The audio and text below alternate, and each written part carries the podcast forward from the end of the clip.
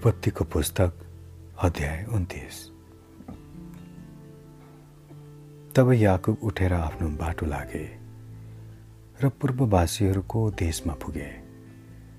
त्यहाँ तिनले मैदानमा एउटा इनार देखे र त्यसको नजिक भेडाका तिन बगालहरू बसिरहेका थिए। किनकि त्यही इनारबाट मानिसहरूले बगाललाई पानी खुवाउँथे। इनारको मुख ढाक्ने एउटा ठुलो ढुङ्गा थियो। जब सबै बगालहरू त्यहाँ जम्मा हुन्थे तब गोठालाहरूले इनारको मुखबाट ढुङ्गा गुडाएर भेडाहरूलाई पानी खान दिन्थे। त्यसपछि तिनीहरूले इनारको मुखमा फेरि त्यो ढुङ्गा राखिदिन्थे। याकुबले तिनीहरूलाई भने हे मेरा भाइ हो तिमीहरू कहाँ कहाँ हौ? तिनीहरूले भने हामी हारानमा बस्ने हौ। तिनले भने तिमीहरू नाहरका नाति लाभानलाई चिन्छौ? तिनीहरूले भने तिनलाई हामी चिन्छौँ। याकुबले तिनीहरूलाई सोधे के उहाँ सन्चै हुनुहुन्छ? तिनीहरूले भने उहाँ सन्चै हुनुहुन्छ। हेर्नुहोस् उहाँकी छोरी राहेल भेडाहरू लिएर आउँदैछिन्। तिनले भने हेर साँझ परेको छैन। भेडा बाख्राहरूलाई जम्मा गर्ने बेला भएको छैन। भेडाहरूलाई पानी खुवाएर फेरि चराउन लैजाओ। तिनीहरूले भने सबै बगालहरू जम्मा नभई अनि इनारको मुखबाट ढुङ्गा नगुडाइकन हामी त्यसो गर्न सक्दैनौँ। त्यसपछि मात्र हामी भेडाहरूलाई पानी खुवाउँछौँ। याकुब तिनीहरूसँग कुरा गर्दै रहँदा राहेल आफ्ना बुबाका भेडाहरू लिएर त्यहाँ आइपुगिन्। किनकि भेडाहरू तिनले नै चराउने गर्थिन्। जब यापुले आफ्ना मामा लाबानकी छोरी राहेल आफ्ना मामाका भेडाहरू देखे तब नजिक आएर तिनले इनारको मुखको ढुङ्गा गुडाइदिए र आफ्ना मामा लाबानका भेडाहरूलाई पानी खुवाइदिए। तब याकुबले राहेललाई मुहाई खाए र रुन लागे। याकुबले राहेललाई म तिम्रा बुबाको नातेदार रेबिकाको छोरा हुँ भनी बताइदिए। तब राहेल कुदेर गइन् र आफ्ना बुबालाई यो कुरा बताइदिन्। आफ्ना भानिज याकुब आएको समाचार पाउने बित्तिकै लाबान तिनलाई भेट्नलाई कुदेर आए र तिनलाई अगालो हालेर खाए अनि तिनलाई आफ्नो घरमा ल्याए अनि याकुबले लाबानलाई सबै कुरा बताइदिए।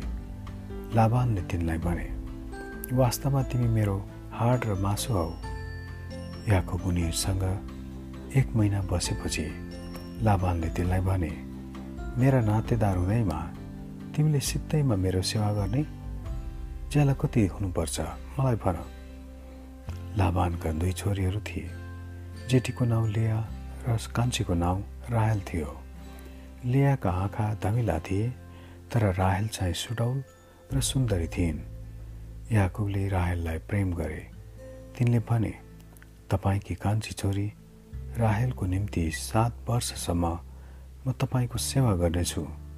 लाबालले भने त्यसलाई अरू कोहीसँग विवाह गरिदिनुभन्दा त तिमीलाई दिनु नै असल हो। हुन्छ मसँगै बस। यसकारण याकुबले राहेलको निम्ति सात वर्षसम्म सेवा गरे। तिनले राहेललाई यति प्रेम गर्थे कि त्यो समय तिनलाई थोरै दिन जस्तो लाग्यो। त्यसपछि याकुबले लाबाललाई भने मैले तपाईँको सेवा गरिसकेँ। अब मेरी पत्नी हुनलाई राहेल मलाई दिनुहोस्। म तिनीसँग सहवास गर्न चाहन्छु। तब लाबानले त्यस ठाउँका सबै मानिसहरू जम्मा गरेर भोज दिए।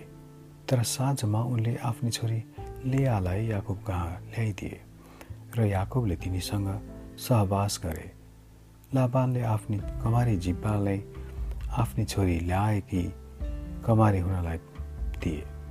याकुबले बिहान हेर्दा त लेया पो रहेछन् तब तिनले लाबानलाई भने तपाईँले म प्रति किन यस्तो गर्नुभयो? मैले राहेलको निम्ति सेवा गरेको होइन। तपाईँले किन मसित यसरी छल गर्नुभयो? लाबानले भने हाम्रा देशमा जेठीको भन्दा कान्छीको विवाह अघिबाट हुनु गर्नु हुँदैन।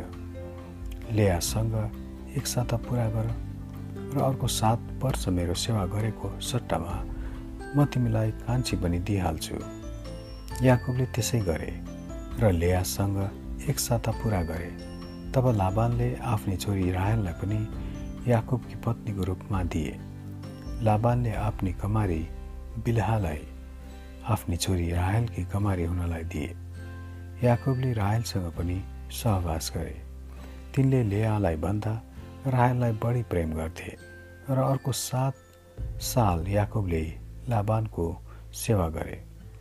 लेयालाई अवहेलना भएको देखेर परमप्रभुले तिनको कोप खोलिदिनुभयो। तर राहेल चाहिँ बाँझी नै रहन्। लेया गर्भवती भएर एकजना छोरो जन्माइन् र तिनले त्यसको नाउँ यसो भनेर रुबेन राखिन्। साँच्ची नै परमप्रभुले मेरो दुःख देख्नु भएको छ। अब त मेरा पतिले मलाई प्रेम गर्नुहुन्छ। तिनी फेरि गर्भवती भइन् र अर्को छोरा जन्माइन्। तिनले भनिन् म अवहेलित भएकी छु पनि परमेश्वरले सुन्नु भएको हुनाले उहाँले मलाई यो छोरा पनि दिनुभयो र तिनले त्यसको नाउँ सिमियोन राखिन्। तिनी फेरि गर्भवती भइन् र एकजना छोरो जन्माइन्। यसरी यसपालि त मेरा पति म प्रति आकर्षित हुनुहुनेछ किनभने मैले उहाँको निम्ति तिनजना छोराहरू पाइसकेँ। यसकारण त्यसको नाउँ लेपी राखिन् तिनी फेरि गर्भवती भएर छोरो पाइन् र भनिन् यसपालि त म परमप्रभुको प्रशंसा गर्नेछु। त्यसैले यसको नाउँ यहुदा राखियो। त्यसपछि तिनले जन्माउनु छोडिन्।